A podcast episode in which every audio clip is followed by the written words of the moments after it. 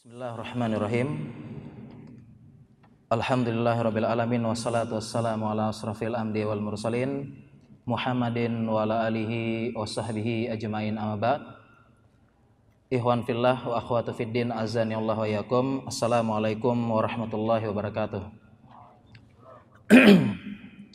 ya alhamdulillah ya, segala puji bagi Allah Subhanahu wa taala yang telah memberikan banyak sekali kenikmatan pada kita. Salah satunya adalah kita bisa digerakkan hati kita oleh Allah Subhanahu wa taala untuk bisa menghadiri majelis ilmu ya.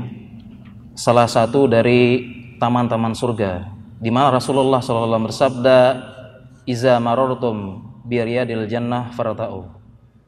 Jika kalian melewati taman-taman surga, maka mampirlah. Ya, maka mampirlah. Maka para sahabat bertanya, apa itu? Ya adalah majelis zikr ya, dimaksud dengan majelis zikr. Salah satunya adalah zikr yaitu mengingat Allah Subhanahu wa taala ya, termasuknya adalah kajian. Ya, dan juga tidak mesti majelis zikr itu apa? Kajian doang ya, tidak mesti. Ya, dikit-dikit kajian ya. Majelis zikr itu disebut Allah mengingat Allah Subhanahu wa taala. Ya, tadi sebelumnya mungkin ada apa namanya? ada panitianya kan. Sebelum ini kan ada ya panitia ngumpul-ngumpul gitu ya ngobrol-ngobrol gimana. Itu juga termasuk majelis zikir. Karena mengingatkan pada Allah Subhanahu Wa Taala. Ya ketemu di jalan. Nah, ketemu di jalan ya. Ngobrol-ngobrol eh gimana tadi? Apa namanya program kita? Gimana kita mau buat ini enggak mau buat buletin enggak nanti? Ya program kita gimana? Majelis zikir juga. Ya enggak mesti kayak gini ngumpul. Ya enggak mesti ya Alhamdulillah ya segala puji bagi Allah Subhanahu wa taala ya tidak apa salawat dan salam pada Rasulullah sallallahu alaihi wasallam ya telah memberikan kita banyak sekali petunjuk ya. Karena beliau Rasulullah sallallahu alaihi wasallam telah memberikan mengajarkan kepada kita ya. Mengajarkan kepada kita sehingga beliau ya karena mengajarkan kepada kita ilmu kita ya apa yang kita amalkan ini sampai ke Rasulullah sallallahu alaihi wasallam ya. Karenanya ndak usah ya ndak usah dikasih ndak usah dikasih apa? Dikasih pahala Al-Fatihah gitu ya. Kita baca gimana? Kita baca Rasulullah sudah dapat pahalanya, enggak usah dikirim-kirim gitu ya. Ya, Iwan Filah wa Khatibidina azan pada kesempatan kali ini kita akan membahas ya. Judulnya dikasih sama panitia ini obat kuat pemuda. Pertama saya di SMS saya bingung ya, maksudnya apa nih? Emangnya pemuda kita ini lemah? Ya, di situ saya sudah buat ini ya, sudah buat apa? Sudah buat makalah ya Obat kuat pemuda, emangnya pemuda kita lemah ya? Atau dia melemah, ya, melemah dengan keadaan? Atau sudah terlalu banyak lagi ya macam-macam ya, udah galau dan sebagainya dan sininya akhirnya sudah lemah sekali, artinya butuh butuh obat kuat, ya. Ya ternyata usut punya usut setelah saya bahas itu sama diskusi sama sama apa sama panitia ternyata yang masuk adalah obat kuat supaya pemuda menjadi semangat. Supaya pemuda jadi semangat baik semangat ya dalam beragama ataupun masalah dunianya. Ya. Nah, sebelumnya kita bahas dulu tentang masalah pemuda ini ya. Kalau kita menilik pada sejarah ya.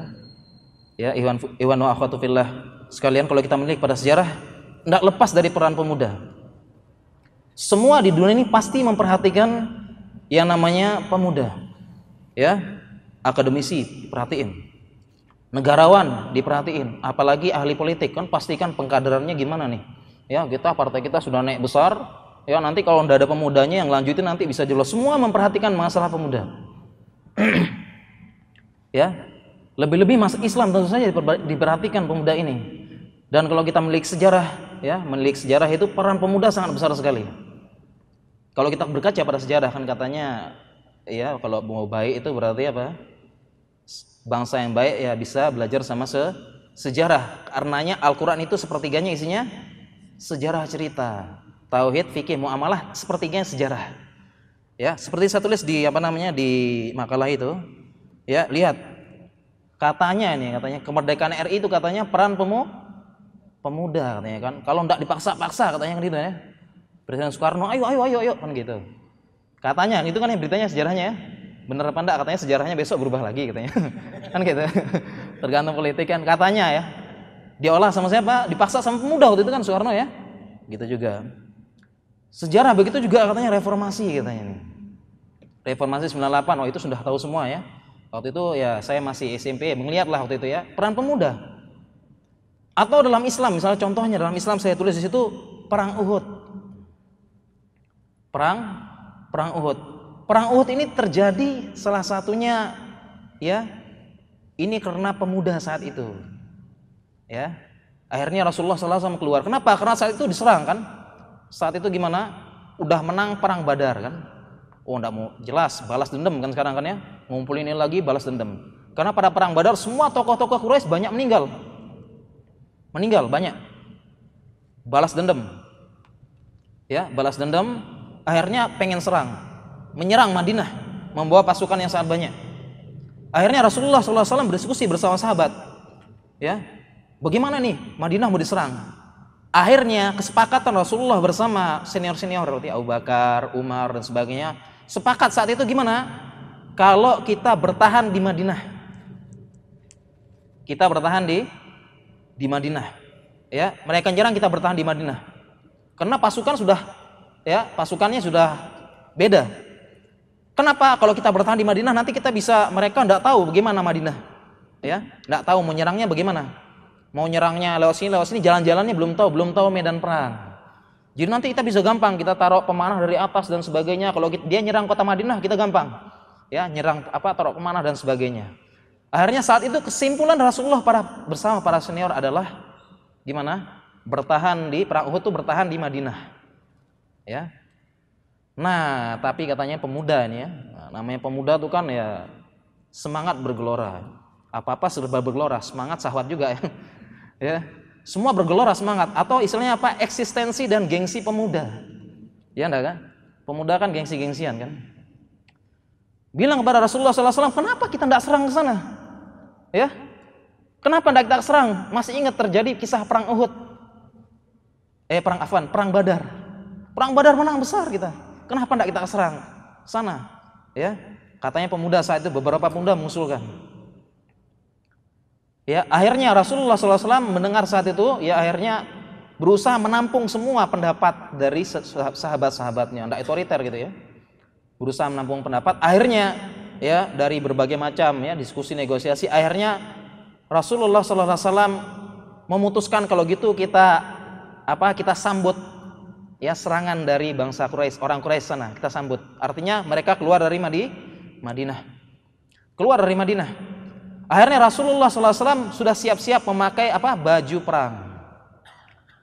Nah akan tetapi, nah akhirnya pemuda menyadari, pemuda-pemudanya ini menyadari, astagfirullah ya, ya, jangan-jangan benar juga, jangan-jangan pendapatnya ini ya, lebih bagus kita ini ya, ya kita nyambut di Madinah gitu ya, mereka nyerang Rasulullah. Akhirnya dia bilang Rasulullah, maafan Rasulullah, kalau gitu ini aja, tadi itu cuma apa namanya usulan semangat aja. Tadi bagus usulan senior-senior katanya. Ya kita di Madinah aja. Tetapi apa kata Rasulullah SAW tidak layak bagi seorang nabi kalau sudah pakai apa baju perang kemudian dia melepaskannya. Akhirnya keputusan ini bagaimana perang Uhud mereka menyambut ya mereka sambut kaum eh, kaum Quraisy di di Gunung Uhud sekitarnya dan ceritanya nanti ya ini kita bahas pemuda dulu. Artinya apa semangat pemuda Ya psikologisnya pemuda apa? Semangat bergelora. Katanya Bang Haji kan darah muda, darah para remaja katanya. Bang Haji kan ya. Semangat bergelora semuanya. Semangat apa-apa dan sebagainya. Dan intinya pemuda psikologisnya adalah apa? Gimana?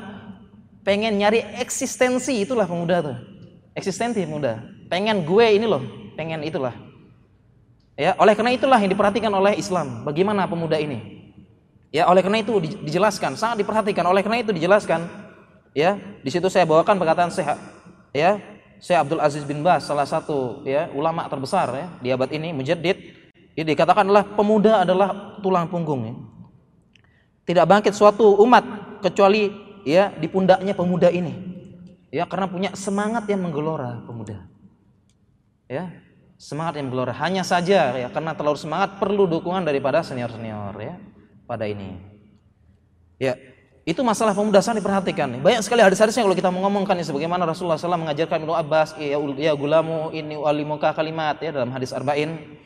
Kemudian saking pentingnya pemuda ya, pemuda ini saking pentingnya sampai-sampai masa muda ini dipertanggungjawabkan di akhirat.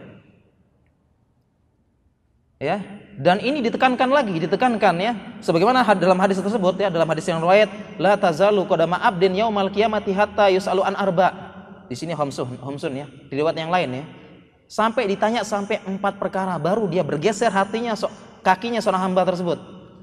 Apa ditanya? An umriha fima afnah wa an sababiha fima ablah. Apa yang ditanya? Umurnya apa yang dihabiskan, kemudian apa? Masa mudanya. Masa mudanya buat apa dihabiskan masa mudanya tersebut? Padahal umur masuk dari masa mu, masa muda.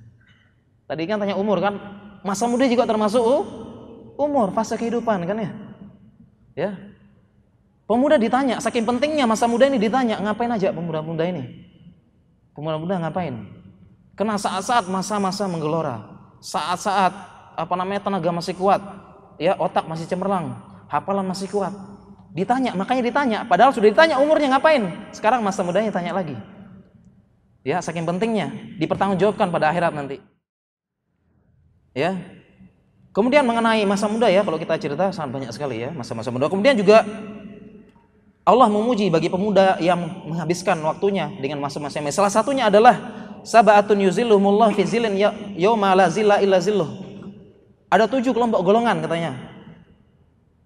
Yang Allah akan naungi dia di mana saat itu tidak ada naungan kecuali naungan Allah Subhanahu wa taala. Salah satunya siapa? Saya tuliskan di situ syabun nasa'a fi ibadati rabbih yaitu pemuda yang tumbuh di dalam ibadah pada Allah Subhanahu wa taala. Pemuda ya dalam ibadah. Dan jangan dipikir ya kalau ibadah nanti cuma ya paginya sholat subuh, kemudian dia sholat duha, ini sholat terus, kemudian jangan dipikirkan ibadah itu cuma ini doang ya. Ya, jangan diperhatikan ya, ibadah nanti jangan pikirin jadi rahib nanti gitu ya. Enggak. Jangan mikir pagi ya, pagi sholat gitu ya kemudian apa sholat malam kemudian nanti sholat dua apalagi ngaji terus dan sebagainya dikit dan tidak seperti itu. Tidak semuanya seperti itu tidak semua ibadah seperti itu. Jangan mikir kalau ibadah nanti oh disuruh ibadah ini ya. Sholat sholat terus. Tidak bukan seperti itu. Semua yang bisa mendekatkan kepada Allah adalah adalah pengertiannya ibadah ya. Misalnya tadi mengurus ya. Tadi ngomong sebentar ya diskusi bagaimana nanti ya. Ini rekamannya gimana? Gimana? Ah itu ngobrol-ngobrol sama siapa sama panitia itu juga ibadah. Membantu orang lain ibadah. Dan semuanya banyak ibadah ya, termasuk di sana sedekah. Ya. Banyak sekali ibadah dan setiap orang punya jalan jihadnya masing-masing ya. Jangan mikir-mikir nanti saya belajar agama saya harus jadi ustadz enggak. Setiap orang punya jalan masing-masing. Ada sahabat yang kaya, dia ber, ini ada yang yang apa? Bilal ya, dia perang ya, beribat. Ya, Abdurrahman bin Auf pakai duit. Ya, Abu Hurairah pakai enggak punya uang, pakai kepala. Artinya apa? Ibadah tersebut kita potensi kita apa? Kita gunakan untuk liu liya kalimat Allah yal ulia, untuk meninggikan kalimat Allah. Ya, jangan mikirnya ibadah tadi cuma sholat dan sebagainya ya. Tidak apa-apa ya apa. Dan kegiatan-kegiatan yang lain untuk mendekatkan diri pada Allah Subhanahu wa taala itu adalah ibadah. Kemudian jangan main-main ini. Apa? Fi yauman la zilla illa zilluh. Tidak ada naungan kecuali naungan Allah Subhanahu wa taala ini jangan apa? Jangan dipikirnya apa? Cuma sekedar biasa aja. Enggak. Hari-hari paling berat saat itu di padang masar di mana semua orang memikirkan diri sendiri nabi ya? Nabi nabi nabi Musa nabi Isa nabi apa? Sana sana sana sana. Saya juga mikirin diri saya sendiri nih urus diri sendiri kalian sendiri. Ya ketika datang minta syafa syafaat. Mendatangi nabi-nabi. Oh saya juga nggak bisa ya? Saat itu gimana? Telanjang semuanya. Telanjang. Telanjang.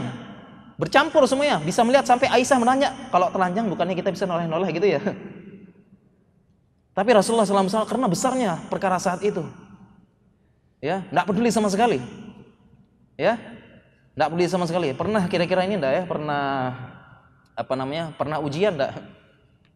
Ya, pernah ujian ya, pernah ujian, ya, buka-buka soal 50 ya, masih sisa baru dijawab dua soal, waktu tinggal 10 menit.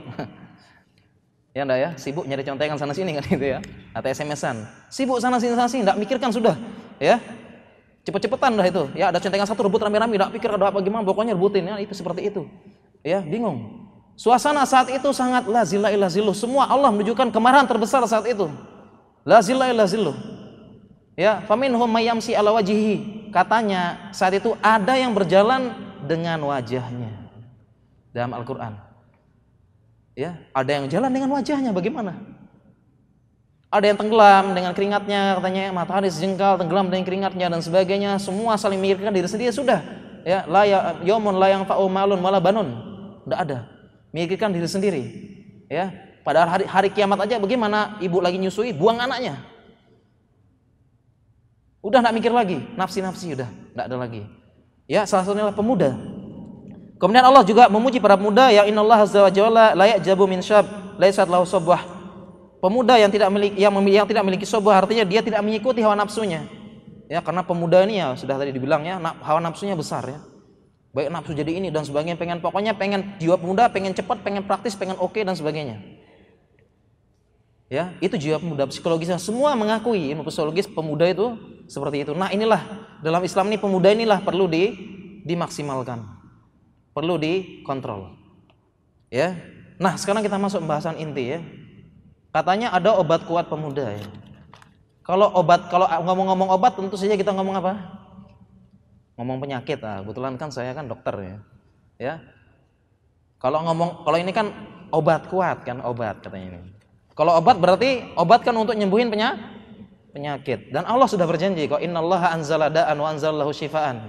Sungguhnya Allah akan menurunkan penyakit dan menurunkan kesembuhannya pasti. Hanya saja ada yang sudah ketemu, ada yang be belum kan gitu. Judulnya obat ya. Nah, kan sebelum kita ngomong obat kan ngomong penyakit dulu. Nah, ini kita bahas sekarang ya.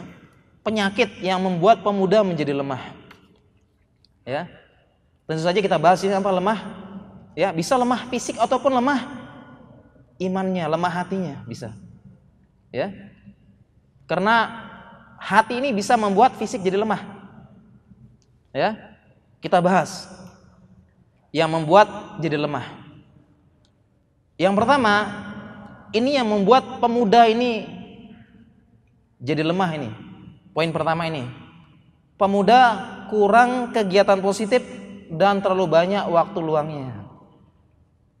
Ini sumber terbesar kerusakan pemuda katanya Syekh Utsaimin dalam buku beliau. Ya, sumber kerusakan pemuda terbesar adalah kurang kegiatan positif dan waktu luang. Ya. Kenapa? Saya bawakan di situ pernyataan dari Ibnu Qayyim ya. Ini kayak masnya wa nafsuka in asgol taha bil haqi wa illa asgoluka bil batil. Yang namanya jiwa kita ini kalau kita tidak sibukkan dengan kebaikan pasti disibukkan dengan keburukan. Tidak ada tengah-tengah. Tidak ada tengah tengah-tengah. Ini kaedahnya ulama, kaedah psikologis. Sebenarnya kaedahnya ulama tuh banyak. Kaedah psikologisnya banyak deh. Nanti saya bawakan beberapa. Hanya saja kita cuma apa kita jarang buka ya. Jarang buka kaedah ulama. Bacanya malah apa? Bagaimana katanya apa nama katanya Napoleon gitu ya. Katanya Yomin siapa gitu ya filsuf dan sebagainya. Padahal ulama sudah banyak sekali ilmu-ilmu psikologisnya. Banyak. Kita tidak pernah buka cuma ya. Atau malah tokoh-tokoh fasik ini ya, ah, perkataan artis apa gitu ya, sesuatu dan sebagainya itu ya, dihafal malah ya. Padahal ulama banyak kata-kata emasnya banyak. Nah, ini salah satunya buat pemuda ini katanya. Coba kita ini di sini kalau ndak datang kajian kira-kira ngapain di rumah? Hmm. Di rumah ngapain? Facebookan jelas. ya enggak ya? Facebookan gitu kan ya. Atau yang lain, atau main ke mana? Ke internet gitu ya. Internet gitu ya. Ya, asal jangan sendiri. Ya. Atau ke mana? Jalan-jalan gitu ya. Karena enggak ada ini. Kalau kita enggak di sini kira-kira ngapain di kos? Atau tidur-tiduran kan? Atau minimal melakukan apa hal-hal yang sia-sia, enggak bermanfaat. Iya kan? Min husnil islamil mar'i tarkuhu nih salah satu dari kebaikan ya seorang Islam adalah meninggalkan yang tidak bermanfaat baginya baik dunia maupun akhirat ya ngobrol-ngobrol dan sebagainya ngobrol tidak jelas ya jadi ini kuncinya pemuda ini kuncinya cari kegiatan positif dan jangan sampai waktu luang. Makanya kalau kita lihat ya pemuda-pemuda sini ya yang ngebut-ngebutan di jalan ya. Kemudian apalagi nyoret-nyoret tembok. Apalagi ya atau cari perhatian cari eksistensi apa ngapain? Ya rambutnya. Ya rambutnya disemir naik ke atas ya dan sebagainya pakai baju aneh-aneh. Ngebut-ngebutan di jalan. Kenapa? Cari perhatian intinya. Eksistensinya di perhatian. Tapi caranya sah salah caranya. Dan waktu luangnya nggak ada. Kerusakan pemuda di sini nggak ada waktu luang. Karena itu kita butuh ya pemuda butuh ya mengisi dengan waktu yang positif. Bagaimana caranya? Caranya adalah dengan membuat program dan target. Jadi kita ini diajarkan dalam Al-Qur'an harus punya target. Ya ayyuhallazina amanu taqullaha faltanzur nafsum ma qaddamat ligot. Maka wahai muslimin orang beriman, faltanzur perhatikanlah apa yang akan kamu kerjakan be besok. Ini ilmu psikologisnya. Kalau kita disuruh buat apa? Disuruh buat program dan target. Kuncinya ya, disuruh buat program dan target. Makanya antum di sini mahasiswa ya, mahasiswa ya, sama kayak dulu mahasiswa, target saya harus punya target dan program.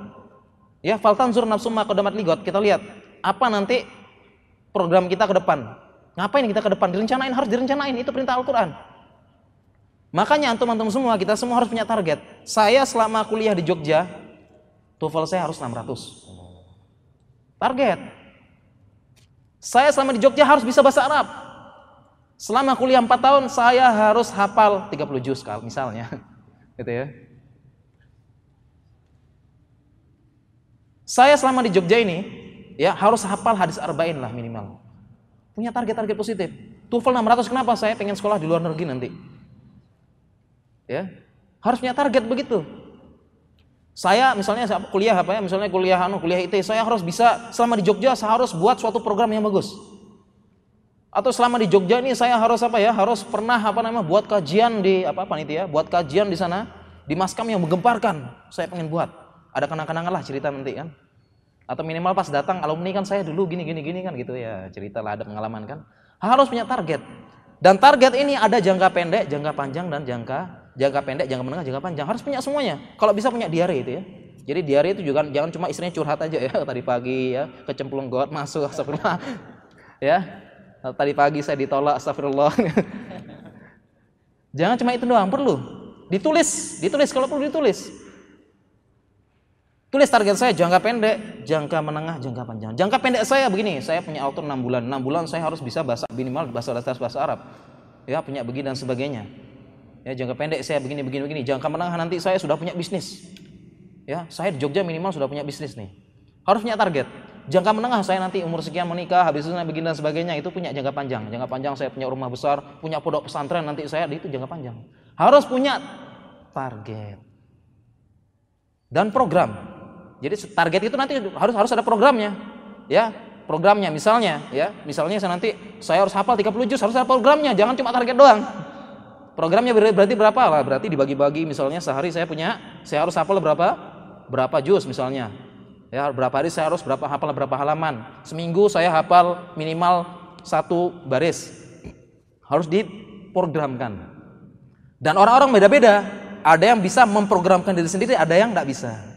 Ya, ada yang programkan, oke, okay, malamnya sudah sholat malam, sudah semangat. Hmm, saya harus apa namanya dalam satu semester ini hafal, ya, atau satu bulan nih hafal juz ama gitu ya.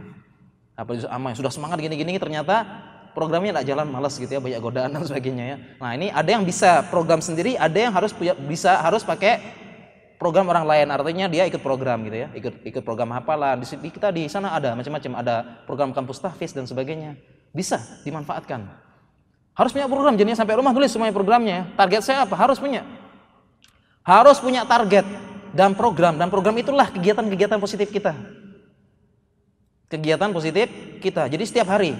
Kalau program jangka pendeknya, malamnya itu kita sudah punya rencana besok. Jadi besok pagi saya besok pagi, besok pagi saya bangun subuh, saya mau rojaah sebentar, habis itu saya kuliah, nanti kuliah nanti saya tengah-tengah nanti saya mau rapat sebentar. Setelah itu saya nanti mungkin silaturahmi ke rumah ini, habis itu saya nanti jam sekian, jam sekian, jam sekian.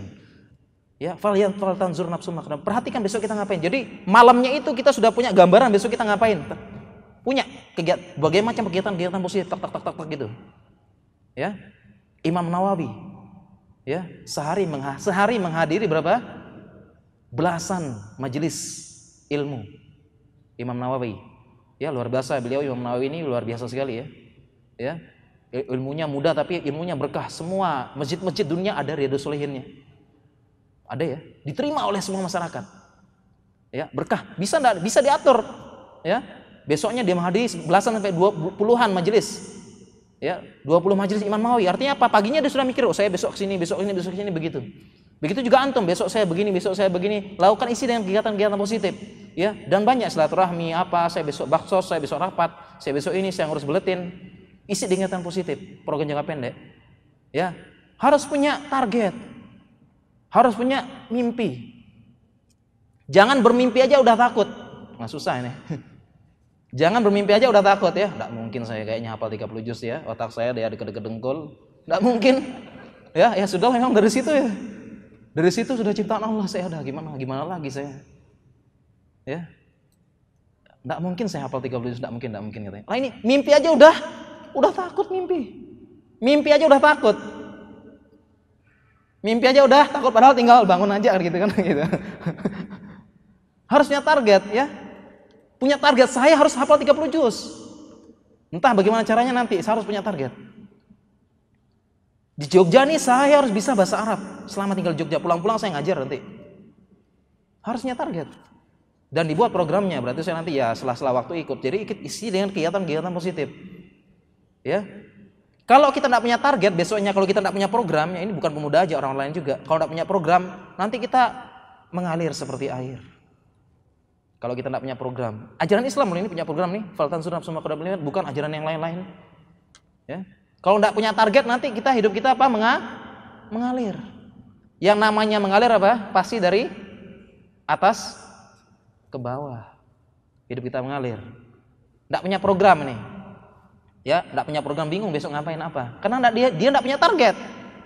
Ya besok ya tidak punya program. Akhirnya enggak, akhirnya apa? Terbawa-bawa ya mas ngapain mas?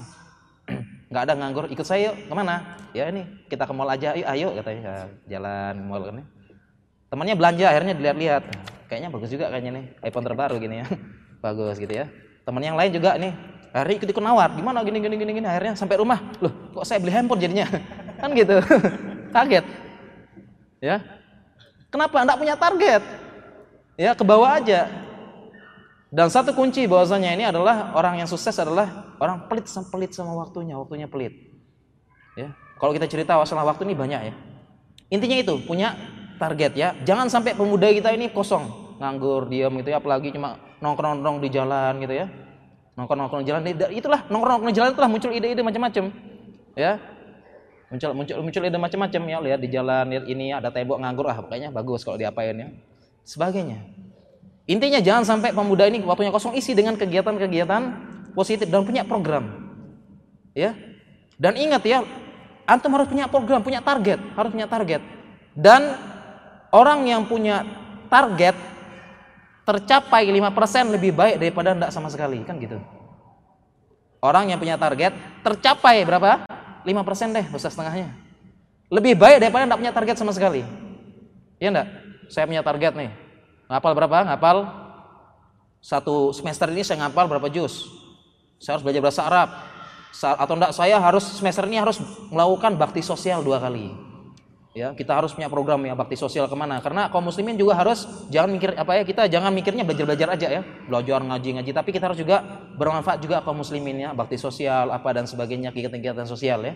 Supaya jangan dikira nanti belajar belajar terus nanti ya. Ya ya karena hayrukum anfa'un linnas sebaik-baik kita baik manusia. Kita buat program ya. Kita punya program hafalan berapa? Hafalan? Hafalan ini hafalan apa satu semester ya jalan Ya, pertama semangat, pertama kan habis habis kajian soalnya tadi habis dengar kajian kan semangat kan, satu minggu kan semangat. Ya, dapat berapa hafal berapa?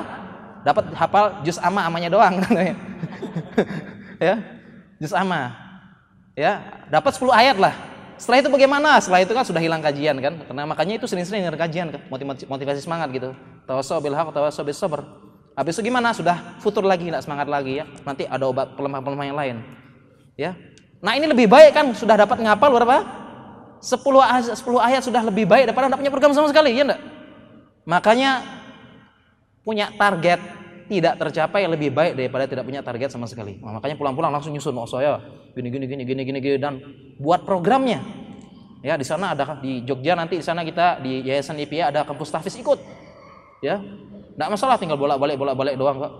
Ya, turun atau di sini malah oh, jangan kalah kita buat program kampus tahfiz di UI sekarang kan?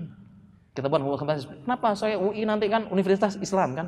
Supaya tidak jadi nanti plesetannya doang dengar Universitas Insya Allah Islam kan gitu ya. Afan ya mohon maaf ya. Saya dulu dengarnya begitu. Ya, buktikan sekarang enggak, enggak, itu cuma orang doang. Sekarang yang kita buat program kampus tahfiz ini, ya setiap sore restoran dan sebagainya, akhirnya terkenal. Masa UI hafal Al-Quran semua keluar-keluar. Nah, kita lanjut ya. Kemudian yang bikin lemah lagi, yang buat lemah kedua, ya bicara penyakit ya, yang bikin lemah. Oh ya ngomong-ngomong tadi itu saya belum jelaskan definisi pemuda ya. Pemuda itu pengertian pemuda dalam syariat adalah di bawah 40 tahun. Jadi yang namanya pemuda secara syariat itu berapa? Di bawah 40 ta 40 tahun ya. Jadi yang jangan bilang saya sudah 35, 439 tuh ya saya tidak pemuda lagi enggak.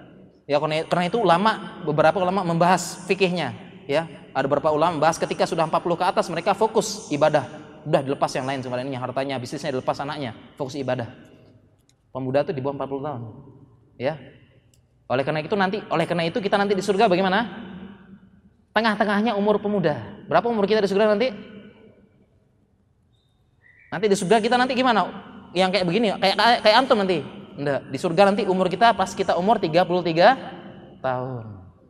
Jadi sur, jadi pas antum udah umur 33 ah tampang saya di surga biasanya. gitu ya. Di foto di apa di selfie gitu ya. Nah, ya. 33 gimana? Pertengahannya. Ya, pertengahannya. Kan balik berapa? 15 lah ya. Terus 40 kan, tengah-tengahnya berapa ya? 33 lah. Umur kita di surga besok gitu. Ya, umur kita di surga besok. Jadi pemuda, jadi jangan bilang sudah 35 atau bila atau apa namanya sudah apa? Sudah semester apa? Sudah semester semester apa? Sudah semester tua misalnya. Ya, enggak lulus-lulus misalnya. Ya. Sudah apa? Sudah menjadi panitia enggak? Saya kan sudah senior enggak? Masih pemuda. Ya, itu muda ya. Kemudian penyakit yang lain selanjutnya adalah yang buat wanita yang membuat pemuda menjadi lemah. Kita ngomong penyakitnya. Yang kedua ini yang banyak mungkin ya, banyak fitnah dan ujian pemuda, terutama apa, apa fitnah? Fitnah syahwat. Fitnah syahwat, jelas. Dan Al-Qur'an dan syariat menjelaskan memang pemuda seperti itu. Ya. Pemuda ini syahwatnya menggelora. Ya. Iya enggak? Iya ya. Yang sudah nikahnya masih katanya kan gitu. Apalagi yang belum nikah katanya kan. Fitnah ya yang bikin lemah adalah fitnah lawan jenis. Iya enggak? Bikin lemah enggak ini? Ya? Bikin lemah. Ya. Fitnah sahwat. Ya, pemuda bikin lemah. Ya. Bikin sahwat. Karena kenapa? Karena fitnah sahwat ini bikin rusak ya. Rusak. Generasi rusak karena fitnah sahwat ini ya, hubungan ya hubungan apa namanya hubungan di barat sana seperti itu pemerkosaan apa dan sebagainya kurangnya adab dan sebagainya sudah tahu nggak usah diceritain banyak ya yang nyebabin pemuda seperti ini fitnah sahwat ini fitnah lawan jenis. Ya ini penyakitnya. Ya lawan jenis. Berat. Ya. Kalau fitnah sahwat nggak usah kita beritainnya sudah tahu semua ya bagaimana kehidupan di barat bagaimana ya. Yang sekarang ini sudah mulai muncul hadisnya katanya ya. Karena tanda-tanda hari kiamat nanti gimana? Tanda hari kiamat nanti orang-orang akan melakukan ya, melakukan hubungan di jalan-jalan. Tanda hari kiamat. Di jalan-jalan nanti, jalan umum. Dan orang terbaik saat itu adalah orang yang berkata ya tanah hakolilan ya, agak-agak jangan di jalan lah, coba sana-sana sedikit lah. Itu tanda kiamat. Sekarang sudah belum? Ya, sudah ada. Sudah ada ya. Minimal kalau di Indonesia ya, karena Indonesia kan agak-agak ini sedikit ya, agak-agak agamis, ada agamisnya, ada liberalnya dikit kan ya. Ya, muka dimahnya lah, udah biasa di jalan-jalan. Ya, udah biasa ya. Salah satu tanda kiamat. Ya pindah sawat ini ya jelas lah ini. Solusinya obatnya dan yang lain kan sudah dikasih tahu kan ya. Ya masyarakat sabab man istata'a minkumul ba'ah falyatazawwaj kan gitu ya. Enggak mau menikah pembahasan khusus nih berat. Ya. Kalau enggak bisa gimana? Fa, ya falaihi bisyam fa innalahu wija, maka dia harus apa? Harus puasa. Ya, solusinya seperti itu ya. Fitnah sawat ya agak susah juga. Terutama pandangan ya, siha memisiha bil iblis dari ini. Nah, kalau masalah pandangan saya juga susah. Makanya saya tidak berani bahas. Ya karena saya apa? Karena saya kerjaan saya dokter. ya nanti saya bahas nanti takutnya saya nanti yang paling pertama melanggar ya di mata bima lataf alun ya kenapa kamu lakukan kamu katakan apa yang kamu tidak kerjakan nanti ya. Saya terus terang kalau masalah ini saya tidak berani bahas. Saya takut saya yang paling pertama melanggar karena ya pekerjaan saya ada fakultas anak fakultas kedokteran sini ada ya. Ada? Sudah koas sudah? Gimana? Sudah koas? Ya sudah ngerasain ya? Ya jangankan ya lihat lihat ini lihat aura dan sebagainya susah. Ya susah menjaga pandangan sekarang sudah susah ya. Susah. Jika pandangan benar susah jika pandangan ya. Ya kalau mau lihat katanya kalau lihat depan bahaya kan, mau lihat atas gitu kan susah ya, nanti kejeblos. Ya. Nanti masuk gua di atas. Ya. Bahaya. Kalau lihat bawah juga bahaya juga. Ya. Katanya BBM naik tapi yang paha apa namanya rok juga makin maka naik. Jadi Indonesia ini semuanya serba naik. Ya. Serba naik kecuali rok enggak turun-turun, naik tambah naik tambah naik tambah naik gitu. Ya, mau lihat bawah gimana? Susah juga. Ya, lihat lihat bawah juga susah juga Lihat lurus apa lagi? Ya. Kalau merem nanti aduh, kelewatan pemandangan bagus katanya. Susah. ya. Atau tiba saatnya laki-laki pakai cadar katanya nih. Cadar kan aman kan? Ya enggak? Aman jadinya kan jalan-jalan aman gitu kan ya. Susah zaman sekarang. Oleh karena itu juga selain pemudanya mahasiswanya. Oleh karena itu ya gimana gimana ya.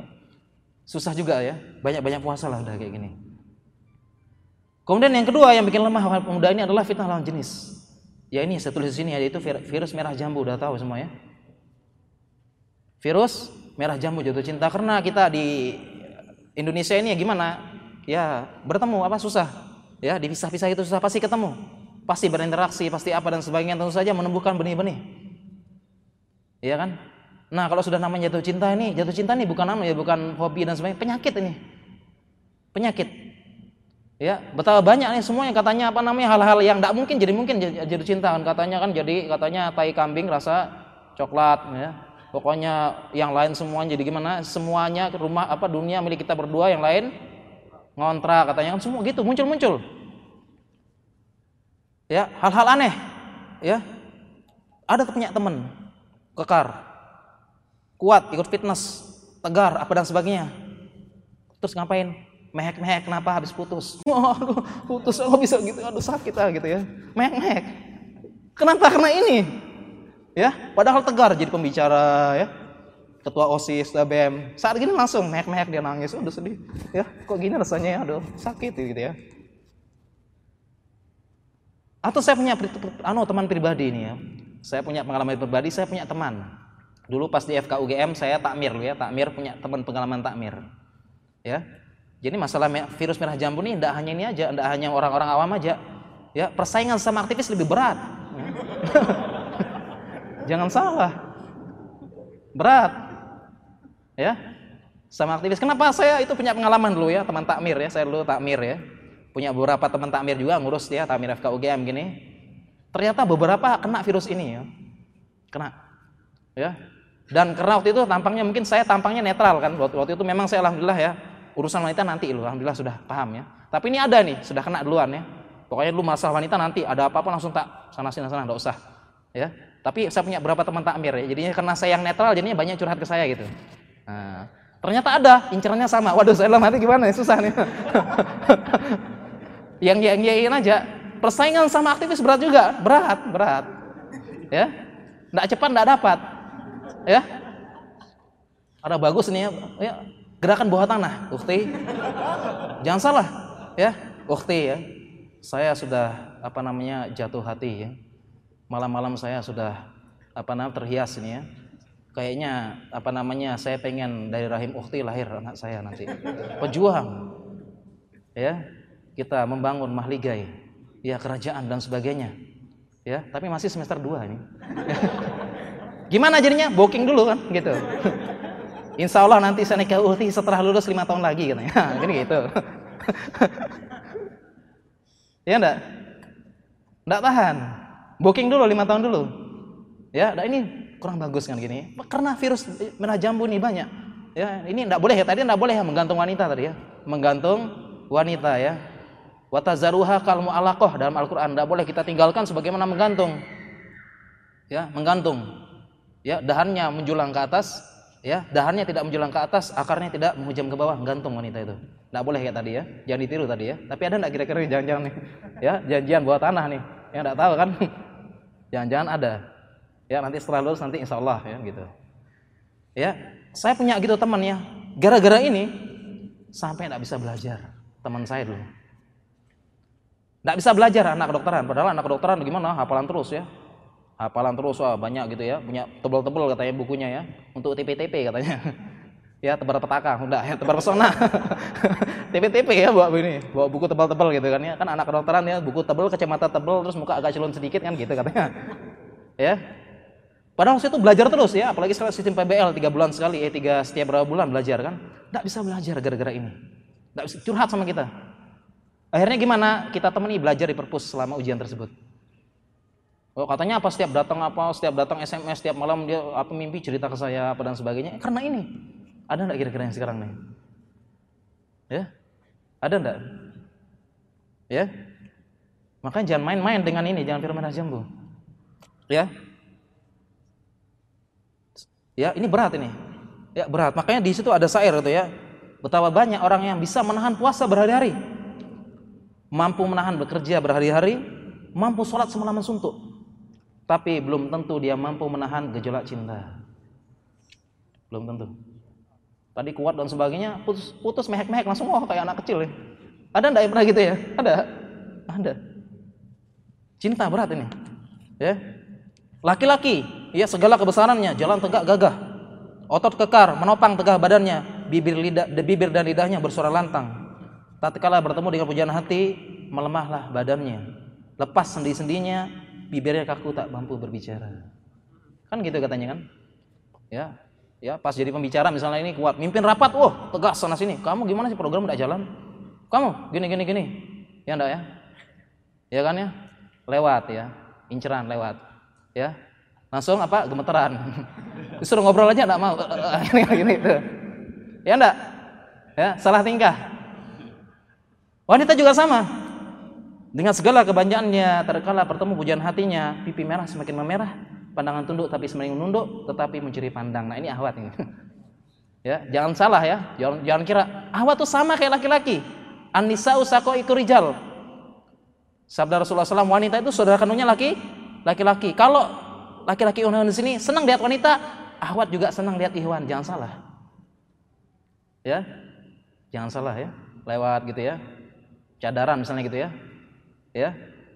Itu katanya itu sambil ngintip-ngintip loh, ngintip-ngintip Ikhwan sana oh gitu ya. jangan salah. Ya. Curi-curi pandang sama juga Anissa Usakuri kerja sama. Kalau antum suka lihat yang cantik-cantik, dia juga senang lihat yang ganteng-ganteng kan gitu. Ya enggak? Makanya kalau ada apa Piala Dunia heboh kan, wah heboh. Piala Dunia kan heboh. Ya, kalau cowoknya lihat main bolanya, ceweknya lihat muka pemainnya gitu. Ya enggak? Yang dihapal main ganteng-ganteng kan gitu. ya, sama. Ya, ini virus pindah jambu ini adalah penyakit buat ini ya. Hati-hati ya. Ya. Maka jatuh cinta ini adalah termasuk penyakit ya. Penyakit. Ya. Dan susah, makanya tak tulis itu juga pertama kali kepencut lalu terhanyut kemudian tekuk lutut kan gitu laksana kentut katanya ya kan gitu kan kalau sakit kalau lagi jatuh cinta kan gitu ya kalau dikeluarkan apa ditahan sakit ini ya ditahan sakit. Sakitnya di sini. Kalau dikeluarkan mah malu katanya. Sakit. Ditahan ya ditahan lama gitu ya. Susah. Ngomong aja susah ya. Padahal kalau ngomong apa kalau nyuruh apa tuh tegas. Tapi kalau mau bilang saya ini suka kamu atau saya mau ke bapakmu berat susah ya. Mikir lama ya. SMS-nya disusun lama gitu ya. Hmm, gini. Entar lagi hapus lagi gitu ya. Kan gitu. Ya. Atau pas ngomong nanti kan dia dari sekarang sudah susun pidato teks ngomong kalau ke bapaknya kan gitu. Ya berat ya berat ya fitnah cinta ini masalah cinta ini ya berat gimana solusinya ya solusinya kalau masalah cinta ini masalahnya ya kita tidak usah berkecimpung dalam masalah cinta percintaan. Tidak usah berkecimpung. Tidak usah tersentuh sedikit pun. Hal-hal masalah itu tidak usah. Ya, tidak usah gosip-gosip. Wah, ahwat keren sana tuh ngetop, asisten ya. Muka sembilan lah istilahnya, putih tinggi semampai ya. Bapaknya apa anak tunggal lagi, bapaknya mau matiin lah gitu. gitu ya. Ya, afan kelebihan ya. Tidak usah gosip-gosip, tidak usah. Ya, Nggak usah gosip-gosip, nyari-nyari dari sekarang sudah nyari-nyari ahwat gitu ya. Gimana ngetop enggak? Ya, enggak. Kalau ngetop saya booking dari sekarang nah, gitu. Ya, saya booking. Enggak usah. Enggak usah nyari-nyari dulu, enggak usah. Solusinya gimana? Enggak usah mikir-mikir masalah wanita dulu, masalah nikah apa dan sebagainya enggak usah. Ya, hal-hal sana enggak usah, itu kuncinya. Ya, kalau ada ikhwan ya kerjanya apa ngapain gosip-gosip enggak usah. Ya. Ahwat juga sama, ahwat juga hati-hati ya. Kalau ada ikhwan mendekat langsung telas, langsung togak apa? Tolak dan tegas afan. Enggak usah ada yang inbox Facebook, ada yang SMS gimana ukti pertama kan gitu ya. Gimana hasil rapatnya kemarin gitu ya. Kalau rapat kita berdua kapan? Tolak langsung tolak tegas, enggak usah ini. Ya, karena ya itu wanita seperti itu, wanita itu ya dia lemah, lemah dengan pujian dan sebagainya. Ya, kalau untuk untuk laki-laki enggak usah sibuk dengan kegiatan positif, enggak usah. Enggak usah berusaha dengan wanita, enggak usah cari-cari informasi, enggak usah apa, enggak usah nilai-nilai dan sebagainya. Sibuk aja lah bagi kita.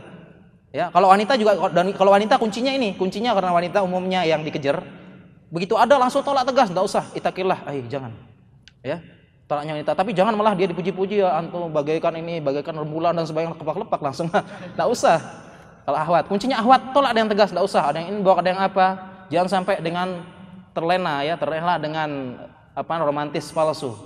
Ya masih mending yang datang adalah madu menyerbukan dan menumbuhkan bunga tapi yang datang adalah siapa? Tawon tawon menyedot habis madu dan akhirnya layulah bunga.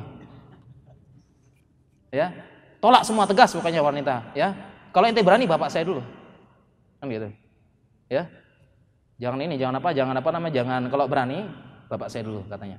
Itu aja prinsipnya wanita. Jangan sampai sama sekali karena buang-buang waktu banyak ya buang-buang waktu ini virus ini banyak ya ya mau makan ingat dia kan mau gitu kan dia akan jadi kan malah bisa menjadi syirik akbar ya syirik akbar bisa jadi syirik karena cinta bisa syirik dosa terbesar Kenapa? Ya tadi kayak nyala itu mau makan ingat kan, baru bingung ingat dan sebagainya gitu kan ya. Lihat motor tasnya warna hijau kayak tas dia udah gemeteran dulu gitu kan.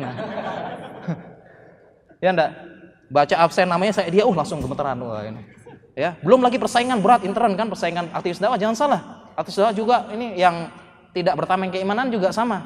Mereka juga terjerumus dalam ini, cuma gerakan di bawah tanah, berat persaingan. Aktivis dakwah jangan salah. Buktinya saya gitu, teman saya ini. Kenapa? Sudah berhubungan terus, SMS-an apa bawah tanah tapi persaingan berat. Ternyata dia juga ngecernya juga. Oh, dalam hati saya oh, dia juga ngecer juga bahaya nih. Ya, saya pilih yang mana? Ya.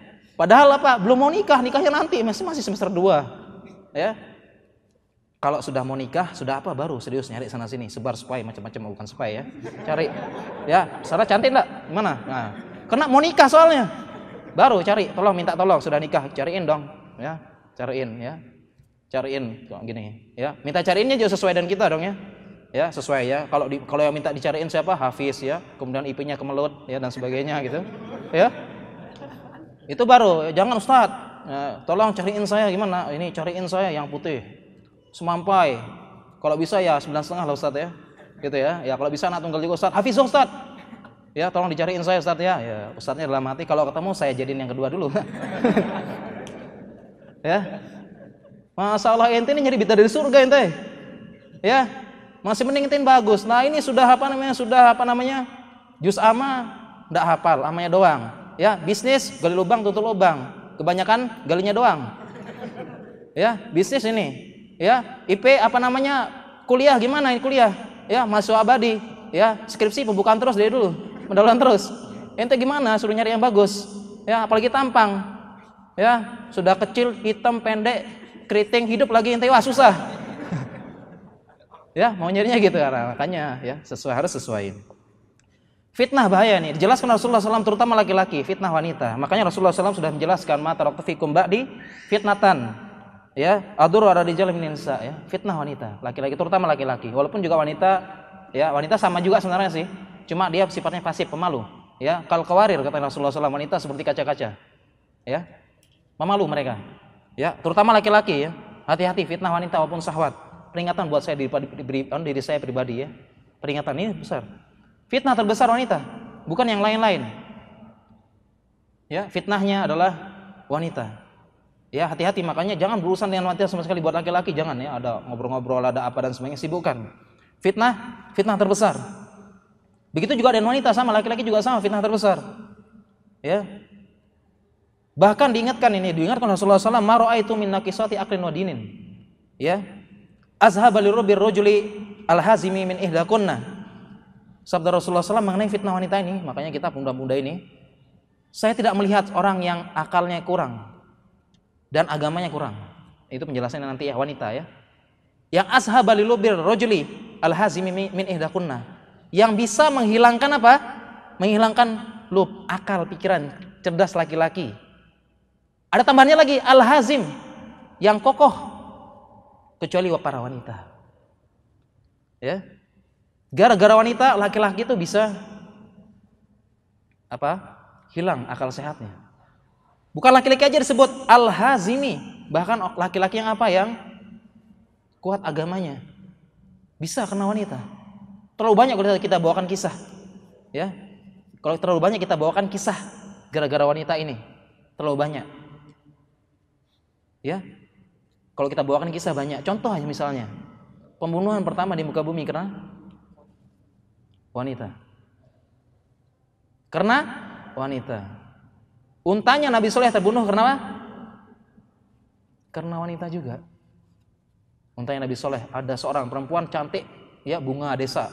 Bilang ke pemuda, kalau bisa bunuh nanti bisa sama saya katanya. Ya, karena ini, karena wanita ini. Banyak sekali pembunuhan pertama karena wanita, untuk Nabi Soleh karena wanita, dan banyak sekali ya kisah-kisah karena karena wanita. Dan jangan main-main ya, fitnah wanita jangan main. Wah, wanita buktinya biasa aja kok. Kenapa? Karena Allah Subhanahu wa taala berkata, "Inna kaida syaitani kana doifa." Tipu daya setan itu lemah. Tapi jangan main-main dengan tipu daya wanita. Kenapa? Inna kaidakunna azim. Al-Qur'an yang ngomong. Tipu daya setan lem, lemah tapi tipu daya wanita itu kuat. Ya. Makanya pemuda-pemuda sekarang ini kalau sudah kena istilahnya istilahnya sudah kesetrum istilahnya, setrum tok gitu ya. Melihat sesuatu kemudian kesetrum. Pernah enggak ya? Pernah ya? Kesetrum konslet langsung kan, melihat sesuatu konslet kan. Terus terang aja deh, langsung enggak bisa mikir kan? Bener enggak? Terus terang aja lah ya. Iya enggak? Pernah melihat sesuatu terus di jalan-jalan atau gimana, tiba-tiba konslet langsung atau sengaja dikonsletkan, enggak ada ya. Tiba-tiba enggak bisa mikir langsung kan ya. Saya juga pernah soalnya, terus terang nih. Tiba-tiba kita langsung enggak bisa mikir kan ya. Susah mikir, aduh gimana ini sudah. Ya, kalau enggak kita bawa ke mana, bawa ke mana, asal jangan dibawa ke tempat-tempat yang enggak bagus aja. Ya enggak? Ya ini. Ya. Dan seperti ini susah. Ya, menanti dan dan artinya apa? Imannya dirinya melemah, susah menghafal, susah apa, malas melakukan kegiatan-kegiatan positif ya malas melakukan ini dan sebagainya karena ini fitnah wanita fitnah wanita kemudian kita lanjut ya Afan ya ini waktunya sudah mulai habis kemudian juga menjadi penyakit dari pemuda adalah subhat ya. Karena penyakit ada dua subhat dan sahwat ya. Pemuda ini penyakitnya subhat ya. Karena tadi terlalu apa terlalu semangat. Terlalu semangat. Dan semangatnya ini gampang dimanfaatkan dengan subhat-subhat. Oleh karena itulah muncullah ya golongan hawarij ya. Mengkafirkan bom di, bom bunuh diri dan sebagainya. Disuruh semangat jihad jihad gitu kan ya. Ya. Karena jihad-jihad yang tidak benar itu adalah apa korbannya pemuda yang terlalu semangat. Itu. Dan dan sekali lagi mengenai masalah jihad ini semua orang punya jalan jihad masing-masing setiap orang punya jalan jihad masing-masing. Jangan tiba-tiba apa namanya jihad ada panggilan ke Suriah anak Suriah dibantai dan sebagainya Palestina dibantai semua kita kita ke sana. Ente kalau ke sana tidak berangkat ente penakut ente ya. Jihad ke Palestina enggak semua orang punya jalan jihad masing-masing. Dan main ngomong-ngomong jihad ada masalahnya, ada ada aturannya. Tidak semua jadi ustad, tidak semua jadi ini. Ya, buktinya Bilal, tidak ustad, Bilal bukan ustad, bukan ilmu apa, tetapi Rasulullah bilang saya mendengar ya telapak kakimu di surga. Bilal, bukan ustad, bukan. Tapi punya jalan jihad masing-masing. Intinya ke mana? Ketakwaan dan ilah sama Allah Subhanahu Wa Taala. Dan inilah ya kalau subhat tentu ilmunya apa? Cara ngelawannya gimana? Ya nuntut ilmu nuntut il nuntut ilmu dan yang namanya nuntut ilmu jangan nuntut ilmunya semau gue ya nuntut ilmu agama harus punya kurikulum dan taksili bahasa bahasanya taksili nuntut ilmu agama terus taksili harus punya kuri kurikulum ya belajarnya yang rutin ya belajarnya rutin membahas kitab ini membahas kitab ini dan rutin ya jangan kalau belajar agama itu apa gimana cuma cuma kajian-kajian umum aja sana sini sana sini enggak jadi nih tidak terasa nikmat. Sebagaimana sekarang kan ada yang kuliah kedokteran ya, ada yang kuliah teknik, pakai kurikulum enggak? Pak? Pakai, ada ujiannya, ada begitu. Begitu juga belajar agama, kalau mau enak, mau, merasakan nikmatan ilmu beragama, merasakan apa namanya ulama baca berjam-jam, merasakan manisnya ilmu, ya tadi belajarnya tadi seperti tadi. Ya, makanya belajarnya harus rutin. Ya, bilang ke Ustaz, Ustaz kita bahas kitab tauhid Ustaz sampai selesai. Kita bahas kita fikih Ustaz. Kita bahas fikih apa namanya hal-hal yang menjadi dasar. Enggak usah lu belajar usul fikih, usul apa enggak. Belajar yang menjadi hal-hal yang wajib saja. Thalabul ilmi fardhu ala kulli muslim. Belajar, belajar kitab tauhid, akidah, kemudian fikih keseharian dan tentang adab dan akhlak. Bagaimana akhlak kita? Akhlak muslim bagaimana dia seorang muslim membuat manusia menjadi senang sama dia, memudahkan urusan kaum muslimin, ahlaknya bagus, membuat orang senang bertemu, ya membuat orang apa namanya ketika ada dia, oh masya Allah diharapkan, akidahnya bagus, ahlaknya bagus. Ya belajar Ustaz ini kita belajar ahlak Ustaz, ada kitab tertentu kita belajar kita belajar sampai selesai. Itu baru namanya belajar agama harus pakai kurikulum sebagaimana kedokteran, sebagaimana apa dan sebagainya. Kalau cuma belajar agama kayak ini doang, besok datang ngaji, ada pengajian umum datang, ya ada pengajian besok datang besok enggak, enggak. Ini enggak jadi belajar Belajar agama yang enggak jadi dan tidak terasa nikmat.